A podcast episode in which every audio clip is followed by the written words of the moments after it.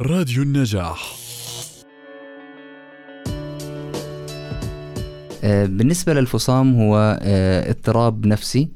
بيتميز بوجود مجموعة من الأعراض المختلفة وبيتميز بالانسلاخ عن الواقع. يعني الشخص بيكون عايش في عالمه الخاص مش بالعالم اللي عايشين فيه أغلب الناس أو الناس اللي ما عندهم فصام فبالتالي بيتعرض لمجموعة من الأعراض الرئيسية اللي هي بتتمثل بالتأثير على الإدراك والتأثير على التفكير.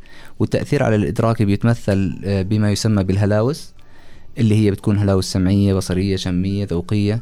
وحسية ومجموعة من الأوهام آه، أو الضلالات اللي هي عبارة عن اضطراب في التفكير آه، بتكون يعني تفكير خلينا نحكي آه، غير واقعي.